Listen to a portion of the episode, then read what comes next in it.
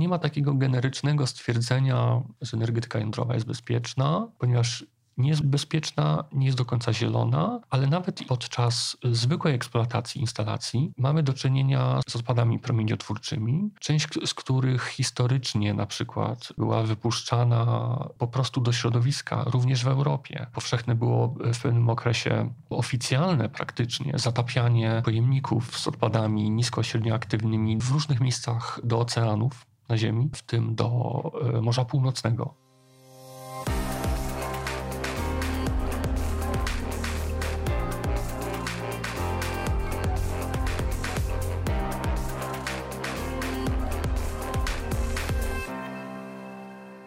Zielony podcast, Krzysiek Grzyman, dzień dobry. A czy dzisiaj taki zielony, to się okaże. Wielu osobom wydaje się, że temat zielony jak najbardziej. Gościem jest Marcin Haremski ze Społecznego Monitora Atomowego. Dzień dobry.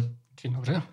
Właśnie. Czy atom to jest rozwiązanie zielone? Bo tak naprawdę ten atom powrócił do naszej dyskusji teraz tak najbardziej przy okazji planów energetycznych y, nowego rządu, likwidacji Ministerstwa Energii, powołania Ministerstwa Klimatu. Wydaje nam się wszystkim, że być może coś się w Polsce zazieleni. Z expose premiera Mateusza Morawieckiego też gdzieś taka nuta bardzo cicha, ale jednak odchodzenie od węgla. Słowo węgiel się w ogóle w ekspoze nie pokazało, nie usłyszeliśmy go. To mogłoby sugerować, że szykuje się jakaś zmiana.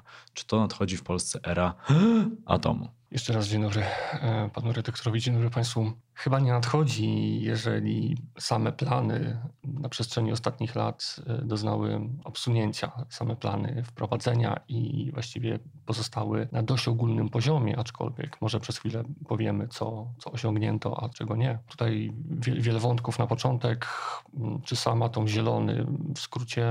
To może do tego jeszcze przejdziemy. Tak, tak, w skrócie nie. E, natomiast czy będziemy mieli energetykę jądrową w Polsce? Na razie się na to nie zanosi zupełnie. Plany, które są w sferze takiej retorycznej, trwają już w tej nowożytnej części jakby III Rzeczpospolitej od 2009 roku. Ładnie nazwane. Tak, bo przecież oczywiście przy tej okazji się przypomina, że mieliśmy już trwającą budowę nad morzem, tak, jeszcze za czasów PRL-u, oczywiście w Żarnowcu, tam jeszcze była, też plany były w Wielkopolsce, kolejnej elektrowni e, Warta. Cóż, te plany trwają.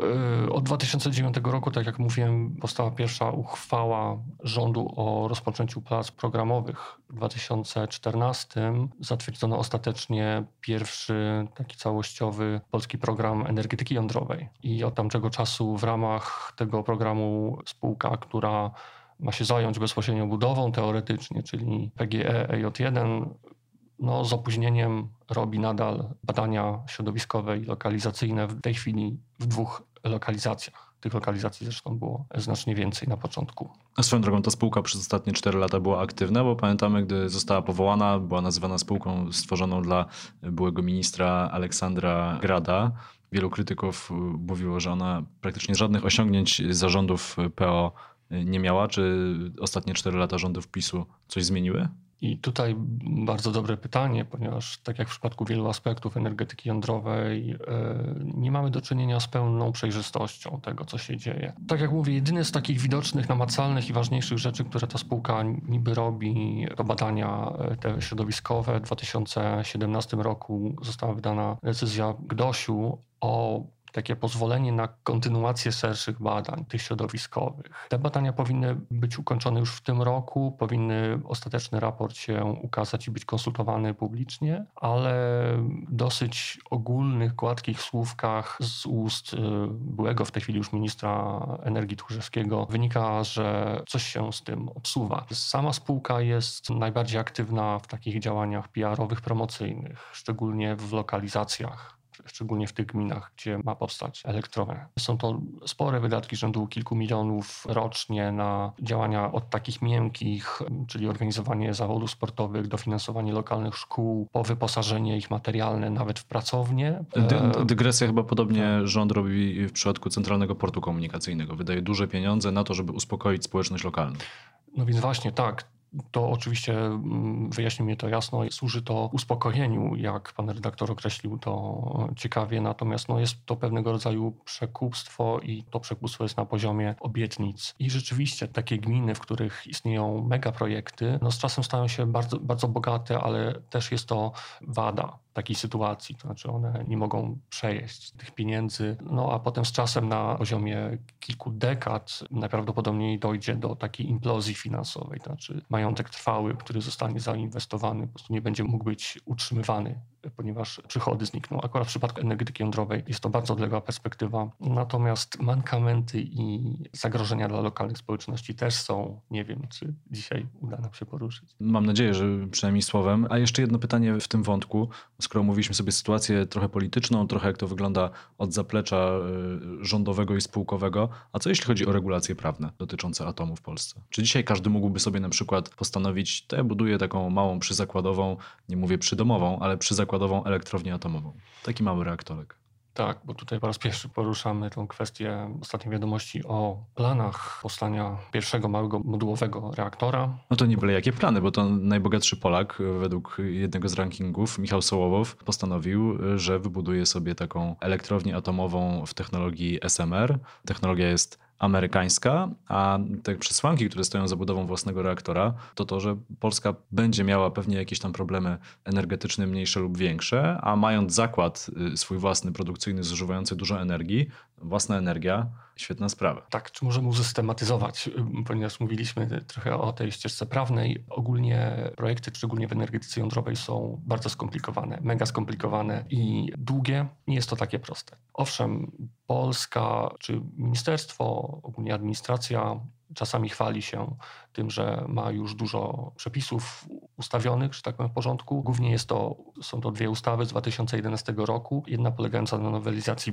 prawa atomowego, które przystosowało do tego, że w ogóle będą plany i że w ogóle ktoś będzie się ubiegał o licencję, wszelkiego rodzaju pozwolenia. Tego jest bardzo dużo. Na przykład w pewnym momencie dowiedzieliśmy się, że pozwoleń różnego rodzaju dla tej konwencjonalnej elektrowni na przestrzeni e, przygotowań potrzeba będzie około 200. Więc nie są to tylko te główne wskazanie lokalizacji, pozwolenie na budowę i tak dalej, różnego rodzaju licencje, ale różnego rodzaju mniejszych i większych 200. Myślę, że to bardzo dobrze. Tak. Przy czym Wtedy ustanowiono pewne prawo, natomiast z czasem doszło do pewnych nowelizacji, pewnych aspektów energetyki jądrowej, między innymi związanych z wejściem w życie dyrektyw unijnych, szczególnie takich dotyczących odpadów promieniotwórczych i wypalanego paliwa, po to, żeby zwiększyć bezpieczeństwo. Natomiast drugą ważną ustawą była ustawa tak zwana inwestycyjna i była ona kolejną specustawą obok tych dotyczących dróg, pamiętamy, prawda, dotyczących lotnisk, nawet kolei, bodajże portu. Czyli ustawa, która ma ułatwić duże inwestycje. Tak, dokładnie. Ta, która skraca ścieżkę legislacyjną, ale również pozwala na wywłaszczanie na przykład mieszka- Podejmowanie dość kontrowersyjnych decyzji tak naprawdę. Zgadza się wyjmuje pewne procedury spod decyzji lokalnych społeczności i lokalnych samorządów po prostu. Ta nowelizacja prawa atomowego nadal jest pożądana głównie za sprawą takiego nowego projektu tak zwanych wysokotemperaturowych reaktorów, o których też być może chwilkę powiemy. To jest sprawa zbliżona do SMR-ów, czyli małych modułowych reaktorów. Ale wracajmy Czyli pytanie było.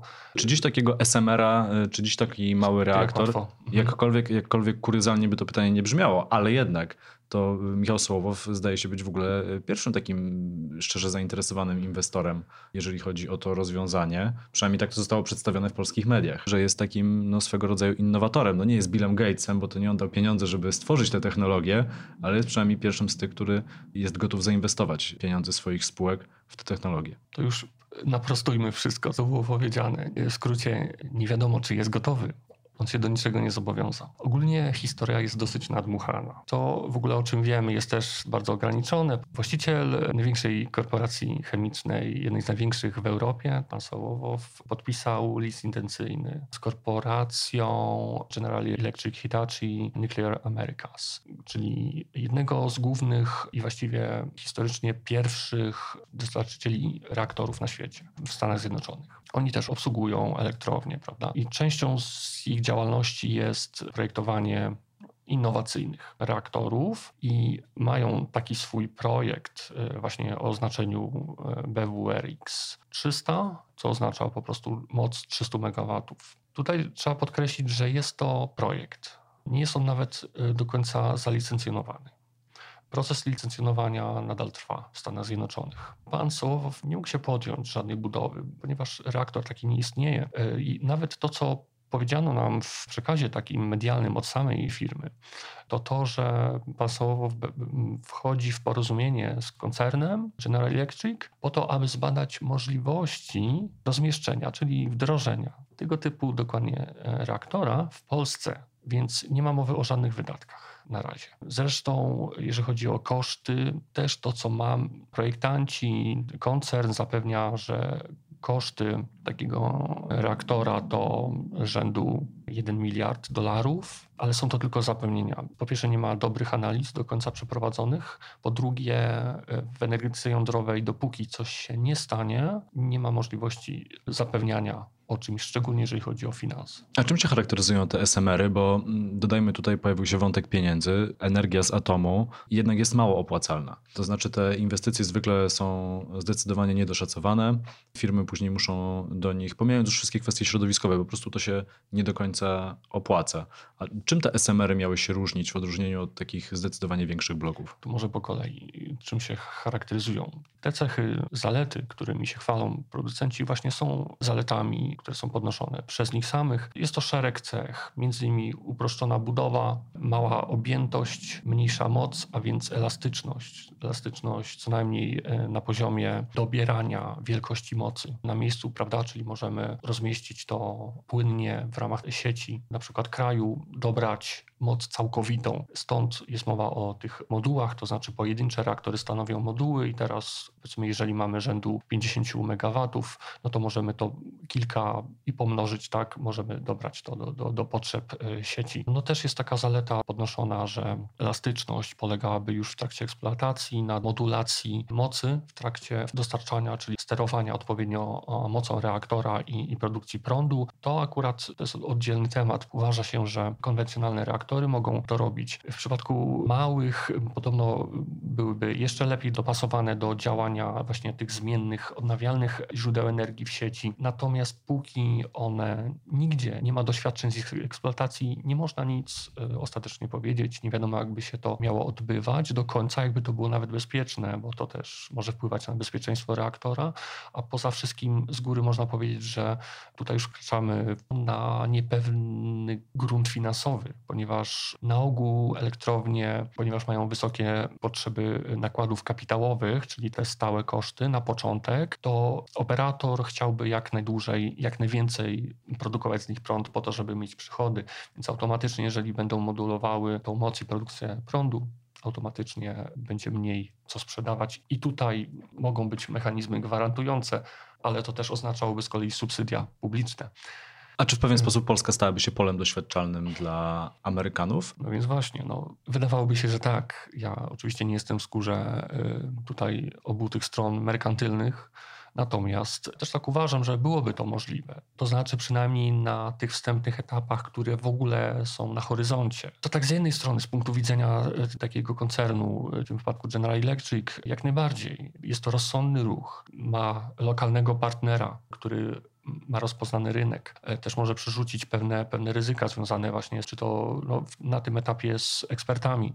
Natomiast z drugiej strony ta siła, która by przeciwstawiała się temu, no to jest uważam e, z kolei strona administracji w Polsce. To znaczy nie tyle na przykład odpowiedni resort, bo uważa się że takie małe moduły reaktory nie są konkurencją dla konwencjonalnych reaktorów, to też i tutaj nie wspominaliśmy, jest mowa o tym, że one w ogóle uważa się, że miałyby mnóstwo różnych zastosowań.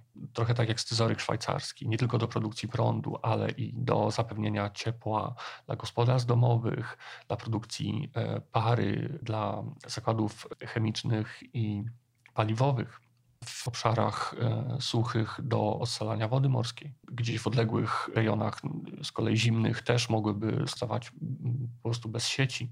na zasadzie takim wyspowym.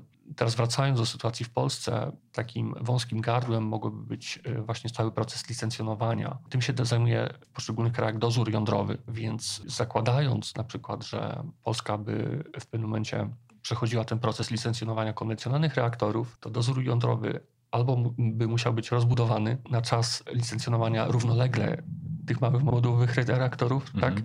No albo by się w jakiś sposób zakorkował. Więc to jest poważne ryzyko. Plus praca dozoru jest oczywiście częścią e, finansów publicznych, więc są to wydatki państwowe idące w dziesiątki, setki milionów czasem. Także jest to też nie w kij dmuchał wydatek i pewna uwaga, którą administracja musi, musi poświęcić. Wydaje mi się, że zeszliśmy teraz na duży poziom y, szczegółu, a gdybyśmy wrócili na duży poziom ogółu i spojrzeli z lotu ptaka na atom, na energetykę jądrową, czy to jest dzisiaj rozwiązanie bezpieczne? Czy za mało jednak mówimy wciąż y, o zagrożeniach, myśląc o nich tylko w kontekście wydarzeń y, z przeszłości? I takiego uspokajania się, to się wydarzyło, to się nie powtórzy. Mamy do czynienia w energetyce jądrowej, podstawowo mamy do czynienia z promieniotwórczością.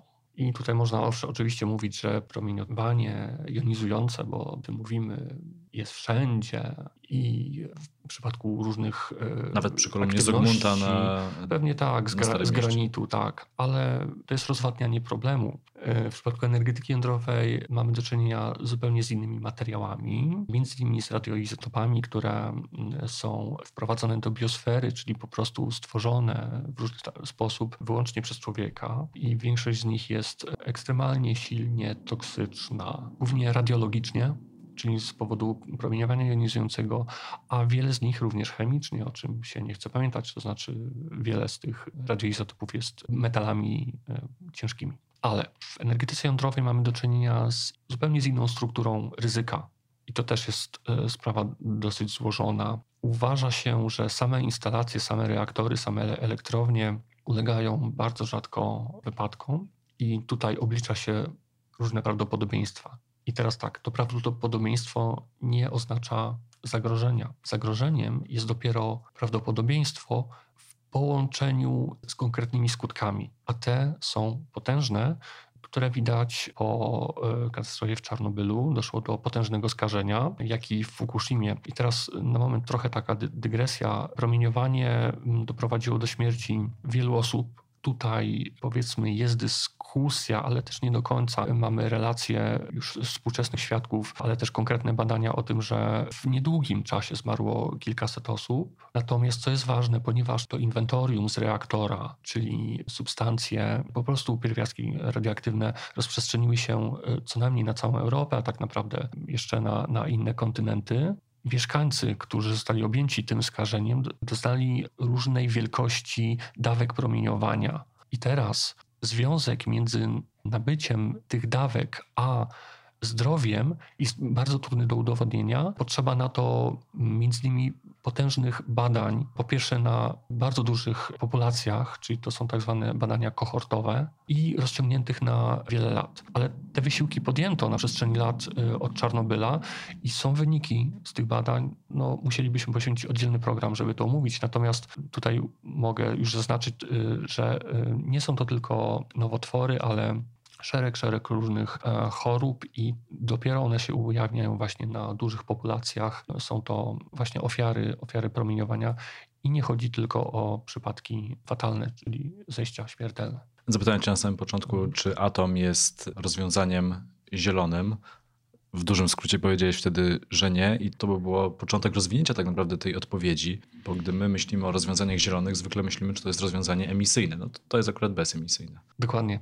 Y, A tymczasem powinniśmy jeszcze myśleć y, tak naprawdę o wpływie i na człowieka, i na naturę, i na klimat, tak? Tak, i tutaj rozdzielmy to może na potrzebę dzisiejszego programu na dwie części. Czy jest zielony tak z racji oddziaływania na środowisko? Tutaj trzeba powrócić ponownie do promieniotwórczości ponieważ instalacje jądrowe, energetyka jądrowa właśnie opiera się na działaniu pierwiastków promieniotwórczych, które są silnie toksyczne, tak jak już wspominałem, i jeżeli są rozprzestrzenione w środowisku, to stanowią potężne ryzyko i tutaj żaden e, dozór, żadni radiolodzy temu nie zaprzeczą.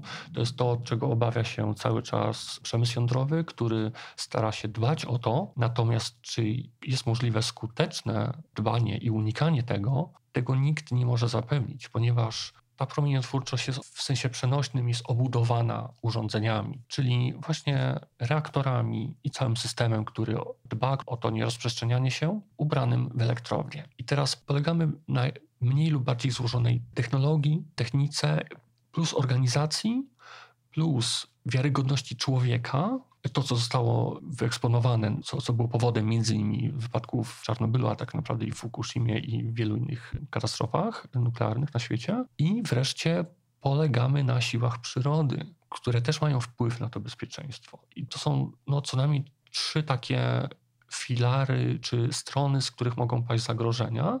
W Fukushimie doszło do splotu trzech tych rzeczy i to też rozciągniętych w czasie, prawda, ponieważ między innymi przed katastrofą doszło do pewnych oszustw e, na poziomie projektowym, dodatkowych zabezpieczeń, bo tam nie dobudowano wyższego tego muru ochraniającego przed tsunami, no i tam kilka. Więc nie ma takiego generycznego stwierdzenia, że energetyka jądrowa jest bezpieczna, ponieważ nie jest bezpieczna, nie jest do końca zielona, ale nawet podczas zwykłej eksploatacji instalacji mamy do czynienia z odpadami promieniotwórczymi, część z których historycznie na przykład była wypuszczana po prostu do środowiska, również w Europie. Powszechne było w pewnym okresie oficjalne praktycznie zatapianie pojemników z odpadami nisko-średnioaktywnymi w różnych miejscach do oceanów na Ziemi, w tym do e, Morza Północnego. Wielka Brytania i Francja zatapiały takie beczki i są sławne filmy e, z e, łodzią Greenpeace'u, która próbuje powstrzymać w pewnym momencie taki transport i już bezpośrednio wyrzucanie tych beczek. Ale również elektrownie podczas zwykłej eksploatacji uwalniają w ramach pozwolenia dozorowego, uwalniają gazy promieniotwórcze. Większość z nich to gazy szlachetne. Niby się uważa, że są to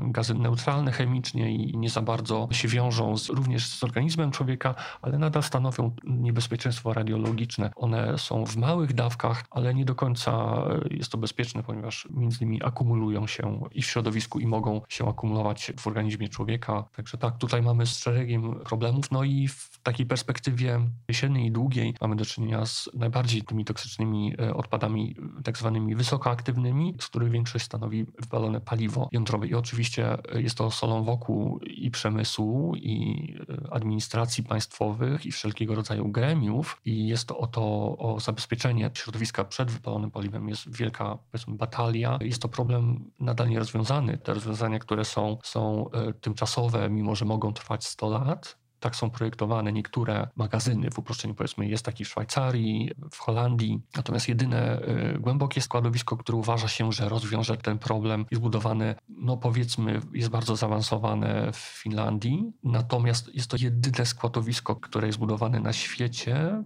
praktycznie, ale tak, nawet jeżeli zostanie ukończone, być może, to Mało kto wie, że nie rozwiąże problemów odpadów promieniotwórczych nawet w Finlandii, gdzie jest budowane ponieważ jest ono przewidziane, zaprojektowane na tylko już istniejące reaktory, -hmm. plus ten, który jest w trakcie budowy Wolkiluoto, e, blok trzeci, który jest sławny z powodu przekroczeń kosztów i opóźnień, ale na przykład nie jest już dopasowany do takiego projektu, który jest dość w powijakach, to znaczy reaktora w Hanhikimi, e, który jest budowany z Rosatomem, z Federacją Rosyjską zresztą. I jest on budowany przez trzeciego operatora w Finlandii, Fenowojma, któremu się nie udało uzgodnić e, na przestrzeni lat właśnie wspólnego dzielenia tego składowiska. Więc to nie, nie są tylko kwestie polityczno-strategiczne tych koncernów, ale też kwestia czysto techniczne. Także problemu odpadów wysokoaktywnych nie mamy rozwiązanych, nawet jeżeli te składowiska będą istniały, to jest szereg wątpliwości e, co do ich integralności, bezpieczeństwa i tego, że z czasem odpady te nie zostaną w jakiś sposób, y, no, pojemniki nie zostaną uszkodzone, kolejne bariery nie zostaną uszkodzone, zanim radioaktywność nie będzie wysoka i nie przeniknie to y, szczególnie do wód gruntowych, a w przypadku Onkalo, właśnie tego składowiska w Finlandii, y, no, nie przeniknie to do Morza Bałtyckiego, a jest ono dosyć blisko. To na koniec dwa krótkie mm. pytania, chociaż pytania rzeki, więc nie wiem, jak nam się to uda zrobić w dwie minuty, ale spróbujmy. Pierwsze pytanie, czy w takim razie uda nam się obejść bez atomu? Um, jak najbardziej. y, już do tej pory musimy się obchodzić. Nawet Dzisiaj jeżeli, robimy to węglem, y, od którego chcemy odejść. ale coraz mniej. Dużo by pomogła dobra wola rządu, resortów. Y, Dużo się rozbija o to tak zwane po prostu interesy grup przemysłowych, w tym wypadku przemysłu węglowego. Znaczy wiadomo, że jeżeli na przestrzeni dekad jest jakiś majątek trwały w postaci kopalni i elektrowni, wiadomo, że ich właściciele chcieliby, żeby jak najdłużej były wykorzystywane, więc no, jest to jeden z powodów takiej inercji, bezczynności w ogóle na przestrzeni e, ostatnich lat, kiedy przemysł mógł się dopasować do tych wymagań i owszem, dużo tutaj zrobiono, bo zainstalowano różnego rodzaju wyposażenie do odsiarczania, na przykład spalin i tak dalej, ale to tylko wpłynęło na, na emisję, natomiast cały przemysł e, się nie dopasował do nowych czasów i nagle tutaj budzą się te spółki węglowe, że im się zabiera miejsca pracy. Natomiast no, ludzkość jednak jest jakoś inteligentna, tak? W sposób taki kompleksowy, systemowy. Jest w stanie zastąpić jedne technologie drugimi i tutaj nie ma wątpliwości co do tego, że odnawialne źródła energii e, w połączeniu z e, magazynowaniem, e, w połączeniu z inteligentnymi systemami energetycznymi, w połączeniu z innowacyjnymi technikami zarządzania energią, wychodząc szerzej w połączeniu z gospodarką innowacyjną, między innymi oszczędnością energii na różnych poziomach, nie tylko w gospodarstwach domowych, ale na poziomie przemysłu. Jest gigantyczny potencjał, szczególnie w Polsce, gdy gospodarce socjalistycznej z kolei w drugą stronę nie dbano o, o energię, między innymi ponieważ byliśmy no, w takim apogeum używania węgla i wydawało się, że z jednej strony, że jest go dużo, z drugiej strony było w interesie gospodarki socjalistycznej produkować jak najwięcej i, i prawda, utrzymywać ten taki socjalistyczny przemysł, gdzie, gdzie, gdzie było ważne właśnie zat- zatrudnienie. Też na koniec drugie pytanie, temat rzeka. Czy powstanie albo już powstaje jakiś lepszy atom, który można by nazwać zielonym? No powstaje gdzieś na pewno w głowach kolejnych Billów Gatesów, Kabunga, bombastyczny hiper, ultra reaktor. Nie mamy czasu na, na, czekanie na takie rozwiązania. Jeżeli chodzi o zagrożenie klimatyczne, tak jak raport IPCC w tej chwili sprzed roku mówi, mamy czas do 2030 roku po to, żeby ograniczyć emisję drastycznie po to, żeby w kolejnych latach uniknąć tych mechanizmów, które by zostały uruchomione z powodu wyższych emisji, po to, żeby one nie były tak katastrofalne. Teraz, jeżeli będziemy polegali na atomie, tak jak pokazuje, a czego tutaj nie mieliśmy czasu wykazać w szczegółach, atom jest nieefektywny w powstawaniu. Także nawet y, silne wsparcie ze strony państwa nie byłoby tak efektywne, jak to wsparcie, które już y, uzyskuje, a o wiele mniejsze, dodajmy, odnawialne źródła energii. Tutaj też oczywiście istnieje pewne wyobrażenie o tym, o energii wędy, ale, ale nie jest tak źle. Także wracając, odnawialne źródła energii są o wiele większe, już, już są praktycznie technologią dojrzałą, już są w aukcjach, w których uczestniczą operatorzy, czyli zapowiadają swoje inwestycje. Te aukcje są już bez subsydiów, Także to się szybko toczy. Energetyka jądrowa, jak pokazuje historia, potrafi tylko obiecywać i tak naprawdę nie dotrzymywać tego słowa, szczególnie jeżeli chodzi o bezpieczeństwo, co pokazują konkretne wydarzenia w historii. No jak w wielu sprawach często rozwiązania rozproszone bywają lepsze od tych scentralizowanych. Marcin Haremski ze Społecznego Monitora Atomowego. Bardzo dziękuję za rozmowę. Bardzo dziękuję za gościnę. Krzysiek Grzyman, Zielony Podcast. Do usłyszenia.